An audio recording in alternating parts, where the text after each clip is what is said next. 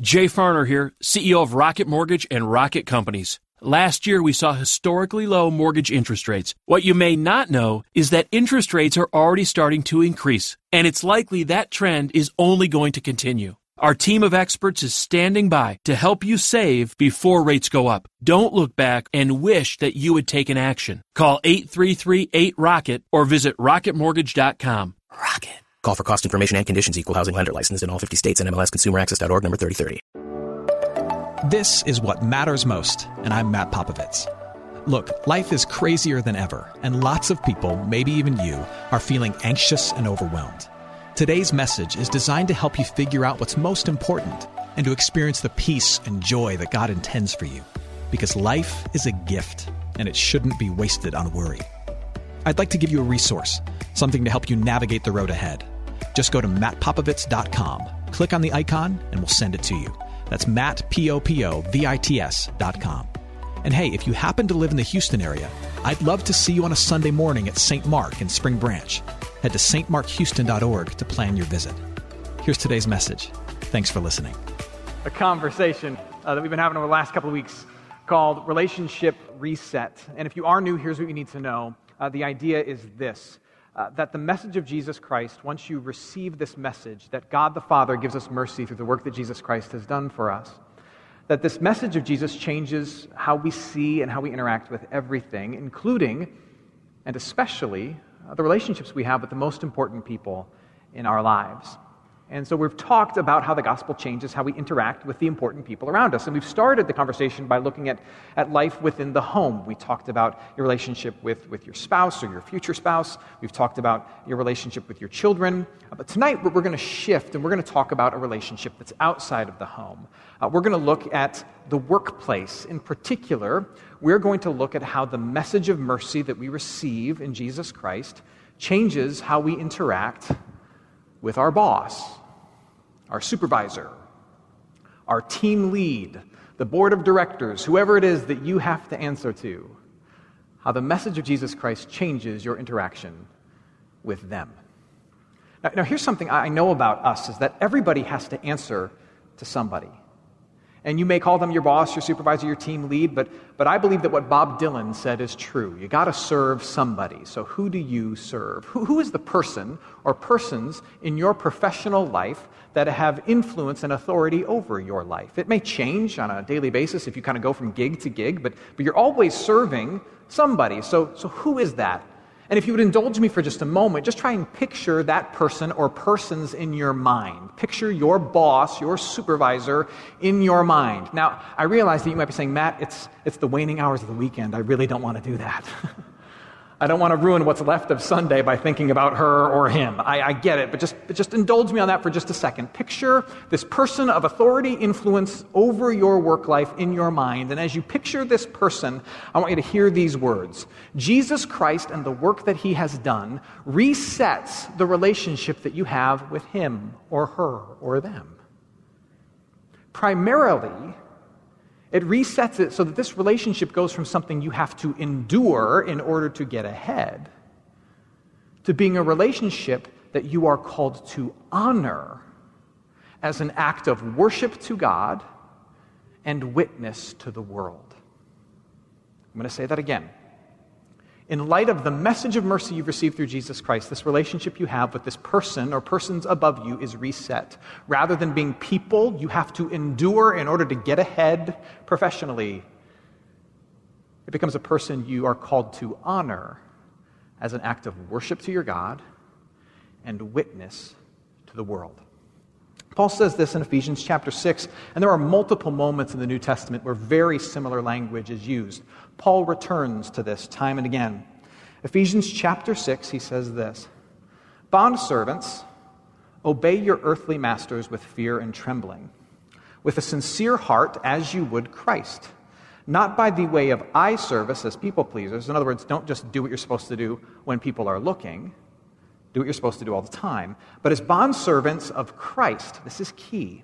Doing the will of God from the heart rendering service with a good will, in other words, don't be a jerk, have a good attitude about it, as to the Lord and not to man, knowing that whatever good anyone does, this he will receive back from the Lord, whether he is a bondservant or is free. This is mind blowing. Paul says if you're a Christian, you're supposed to view your work differently. You're supposed to understand that Jesus Christ, by virtue of being king of all, is also boss of all bosses. He is the superior of your superior. He's the master of your master. And you are to view your work life through that lens. That when you go to work, you don't just work for your boss, but you work ultimately for Jesus, who is the boss of all bosses. Now, now, what this doesn't mean is that the authority of your earthly master, whoever that is, is somehow upended and erased as if you get to go to work and be like, yeah, well, Jesus is my real boss. I'm going to do what I want. Don't do that. That will get you fired. No, no, Paul interprets it this way. He says there's a new way to approach your work now that you know that Jesus is the master of the master. You serve the true master by giving honor to your earthly master. You serve the true boss, which is Jesus, by giving honor and your best effort to your earthly boss. Now, now, if I'm being honest, this is hard to do very often. I would argue it's hard for us to do because we are, as Christians would say, we are, we are sinful and broken uh, people with corrupted hearts. And what that means is very often when, when we go to work and we are under someone else's authority, we tend to see that person, even the most benevolent of bosses, we see them as an obstacle to us. We see them as an obstacle to us because they have, they have a position we think we deserve, and they they have authority and approval that is key to our future. They have a position that grates against our ego. Who are you to be over me? And they have a power in their approval that is key to a future that, that we want unlocked for us. And so it's very difficult for us not to see them as an object who is in the way of our flourishing as a human being. And when another human being stands in our way, we, as sinful human beings, we tend to do one of two things. We tend to either demonize them or idolize them in order to deal with them. So, for example, I am sure that at some point you have worked with somebody who has hated your boss. Not that anyone here would ever hate their boss, but you probably worked with someone who has hated the boss that you have shared, and they like text you like horrible memes about all the ways they want to make fun of them and things they, horrible things they want to do to them. Like you've been there. They're, they're demonizing that person because they're an object. Uh, they're, they are an obstacle to them, rather. Or you've worked with someone who sucks up to the boss like crazy. Like they're always willing to go on Starbucks runs for the boss. They're the one who's always taking notes in the meeting for the boss. They're idolizing them. But, but it's two paths towards the same end. The boss is an obstacle in the way. And in order to deal with that person, I'm either idolizing them or I'm demonizing them. And you've experienced that. But then Paul says Jesus comes in and he disrupts that whole natural dynamic.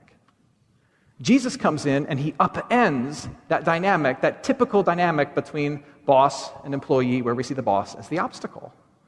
Jesus comes in, and what does he say to the world? What has he said to you if you're here as a Christian? He says to you, Through my work, I give you everything your work can't. So, through my perfect life, in place of yours, through my sacrificial death, taking the place of yours, through my rise from the grave, showing power over sin, death, the devil, all the things that drag you down, I give you what you desperately want. I give you a position of privilege. I, I, give you membership in the Father's family because you're forgiven now, and I give you a seat at the Father's table as his beloved daughter, his cherished son. Not only that, but I promise to walk with you and be good to you throughout your life. And I promise a future to you that can't be taken from you. You know that future you're worried about whether or not you're going to attain? I've attained the ultimate future for you, a future where every problem in this world has been solved, and you and those of you that, and those that you love who know me are flourishing beyond all imagination. He gives all of that to you. He gives you a position of privilege and a promised future. And so what he says to you is now you're free. You, you may work under someone, but you don't work for them, you work for me. You work for me who has secured for you the deepest things that you actually desire and need. And now you're free to not see the person or persons above you as an obstacle in the way of your flourishing. You're, you're free to see them as an object of your affection because you're, you're free. That is Paul's point. And so the question for, for people of faith becomes this we have to wrestle with this question Are the things I've received from Jesus, the things that he's done for me, are they affecting in a positive way the work I do for other people? Do the things that I believe I've received from Jesus, the work he's done for me, are they shaping in a positive way the way I do my work and how I go about my job for and under and with and alongside other people? Are they? And so what that means is what we have to wrestle with is well, how should it? How should it? Uh, how should a person of faith who's free to no longer see their boss or their supervisor as an obstacle in front of their flourishing, but instead someone to love, how exactly should I honor them and love them and serve them? Well, I gave you the answer at the very beginning. The answer is this you are to now see your job as an opportunity for worship and witness. So, so I want to dig into what that means. I hope you're enjoying today's message. For more of what matters most, you can head to mattpopovits.com. There you'll find other messages. You can support this ministry as well as access your free gift. Oh, and if you're looking for a local church and you live in Houston, come and see what's happening at St. Mark Houston. To plan your visit, head to stmarkhouston.org. Thanks for listening, and back to today's message. So let's start with work as worship. When we think of worship, we typically think Sundays and songs. And as a pastor, I'm, I'm a huge fan of Sundays like this and songs. But there is a broader understanding of what worship is. Worship is anything that's done with a heart of faith toward God. Worship for a Christian is anything that is done, any activity that is done with a heart of faith toward God. And, and, here's what Christians believe about work we believe that God is at work in and through all things in this world albeit at times in a very, very hidden and confusing way, we ultimately believe, as the old Sunday school song sa- says, that He holds the whole world in His hands. And that He is working all things toward His beautiful end, and He works in all things to answer people's prayers and provide for people's deepest needs and to protect the vulnerable and to keep this world moving. God is working in and through all things, including, including, this may be hard for you to grasp, including your job, including your work, whatever it is. What we believe is that God, the presence and the reality and the goodness of God, is so embedded into every nook and cranny and corner of life in this world that God is actually working through your job, whatever it is, He's working through your job to answer somebody else's prayer. Your job is part of a larger, complex system that we have to only believe exists through the eyes of faith, that it's often very difficult for us to perceive the whole thing. It's part of a larger, complex system in which God is meeting needs of neighbors that you don't even know and answering the prayers of desperate people. And He's protecting and providing, and He is serving other people through the work that you do. And you have the opportunity as a person of faith to see your work through that lens of faith and to believe that when you go to work, you're not just doing your job, but you're joining God in His. That when you go to work, you are joining God in His work of providing for somebody else. And the moment you choose to see through the eyes of faith your work as something you do in joining God and blessing other people, your work becomes worship. And what I love about this truth is that it instills every task with dignity. It instills all work with worth. It instills all labor with deep and divine purpose. Because you may, you may hate the work that you do. And I hope you don't have to do it for very long. But, but what we believe is that God is at work in all of our work to answer somebody else's prayer. And in his crazy wisdom, he decided that that work had to be done, and he had to have you, at least today, do that work. And when you choose to see your work through that lens, your work ceases to be work and it starts to be worship because I'm doing it with a heart of faith toward God, seeing it not as a job, but as a calling and an opportunity to join God in what He's up to. But I get paid for. That's a good gig. That's how work becomes worship. Now, now let's talk about let's talk about witness. I think one of the most powerful ways in which Christians can bear witness to the goodness and the reality of God in this world is how Christians choose, in particular in a work saturated, if not obsessed culture like New York City, is how Christians choose to go about the work that they do in a secular world.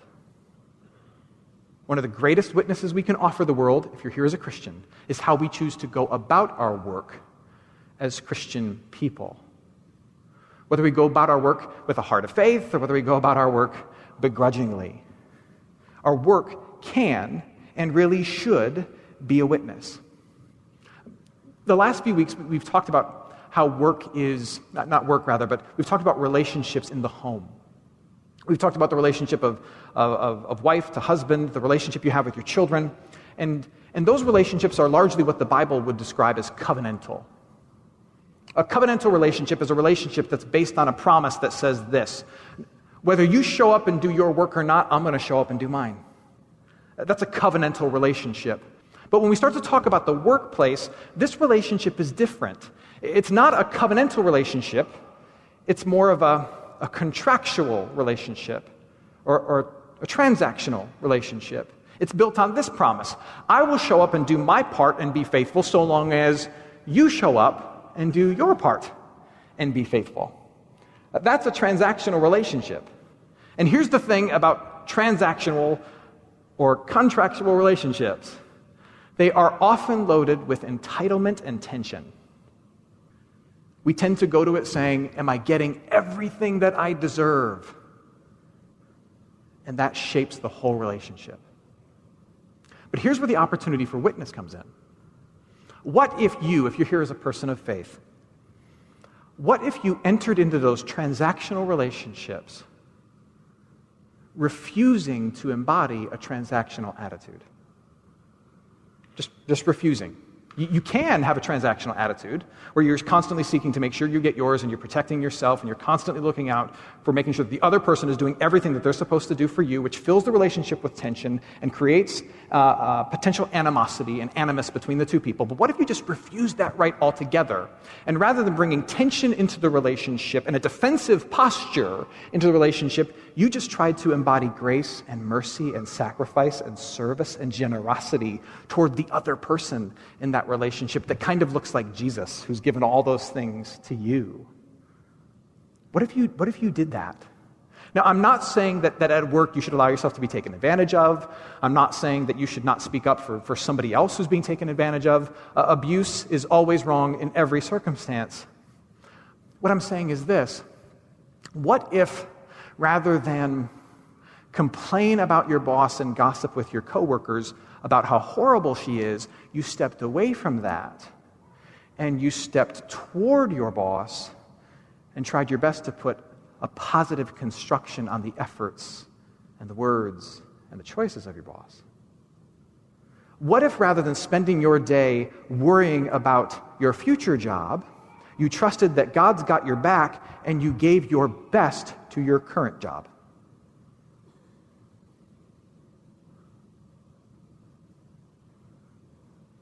What if you treated with kindness and generosity and mercy and love the coworker or the supervisor who tends to overlook you.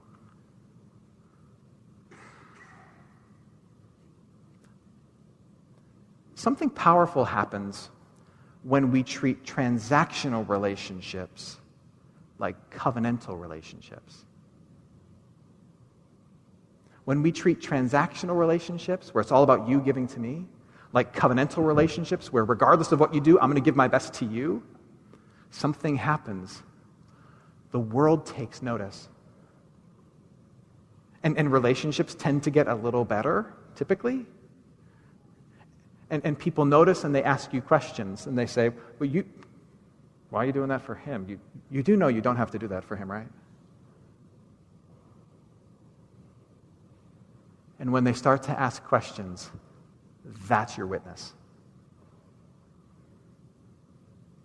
That's the opportunity for witness.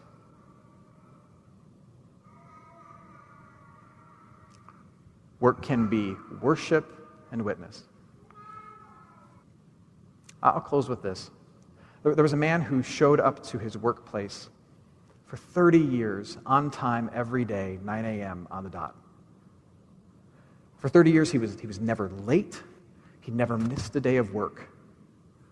And so, consequently, when the day came that, that 9 o'clock rolled around and he wasn't there, the whole workplace took notice.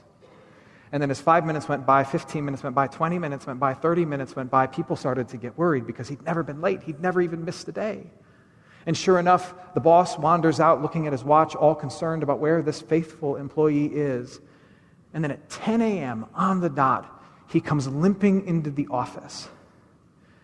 And his clothes are torn, and his, his body is clearly bruised and beaten, and his face is bloody, and his glasses are all mangled, and he limps to his desk, and he takes out his time card, and he walks over to the, the punch machine, and he puts his card in.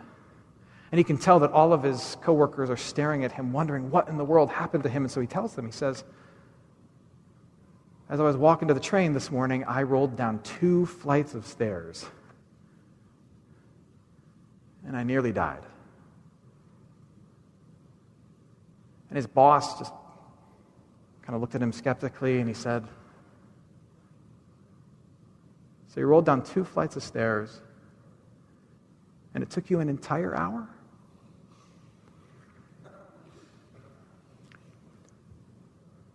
Maybe you have a boss like that who is hard to love and very easy to hate. But here's the good news for you.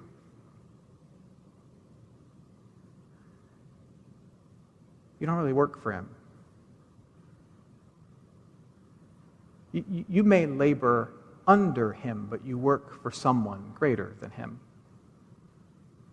Someone who's given to you what that job can never, ever offer for you and who's freed you. And that boss is not actually any kind of obstacle to you at all because Jesus Christ has already given you the prominence and the privilege that you desire and the future that you are seeking after. You are free. You are free. No matter how that job makes you feel, you are free. So, my hope for you is that you go to work tomorrow, whatever work that you do, in freedom.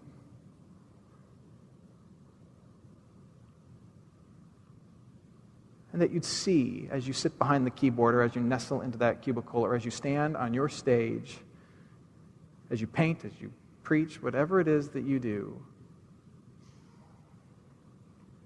you'd see it as an act of worship. Joining God at what He's up to, giving people things that they need. And that you'd refuse to see it as a transaction, but you'd see it as an opportunity to offer otherworldly grace and love and respect that is perhaps not offered to you but is desperately needed. And in providing it, would provide an incredible witness to this world.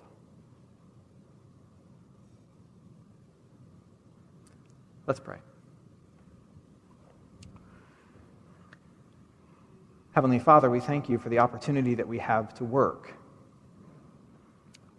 Many and various callings we have, Lord, but we confess, along with Martin Luther, that every, every job that we have is really a mask of yours, a mask behind which you hide and through which you provide for the people of this planet. Help us to see in whatever we do the dignity and the divinity in our work so that we might come to that work not simply ready to accomplish the task, but to join you in this world join you in your work of providing and protecting, of entertaining, of comforting, of securing, some way, somehow. And help us to do it by the power of the Holy Spirit that is ours through our baptism, that was given to the world at Pentecost. By the power of your Holy Spirit, help us to do it in a way that offers a profound witness to a watching world. Where we are less concerned about our rights because of what Jesus has given us and we are more concerned about doing our work the right way for the sake of everybody else. Hey, it's Matt. I hope you enjoyed what matters most. Here's what I need you to know life is a gift, and it shouldn't be wasted on worry. I want to help you figure out what's most important and to experience the peace and joy that God intends for you. So, for more content, you can head to mattpopovits.com. That's Matt, P O P O V I T S.com. There, you can also support this ministry as well as access your free resource, a little something to help you navigate the road ahead. I'd also love to see you on a Sunday morning. If you're in the Houston area, head to stmarkhouston.org to plan your visit. In the meantime, hit me up on Instagram at mpopovits or at facebook.com slash Matt Popovits Ministries. Thanks for listening. Now go and hold tight to what matters most.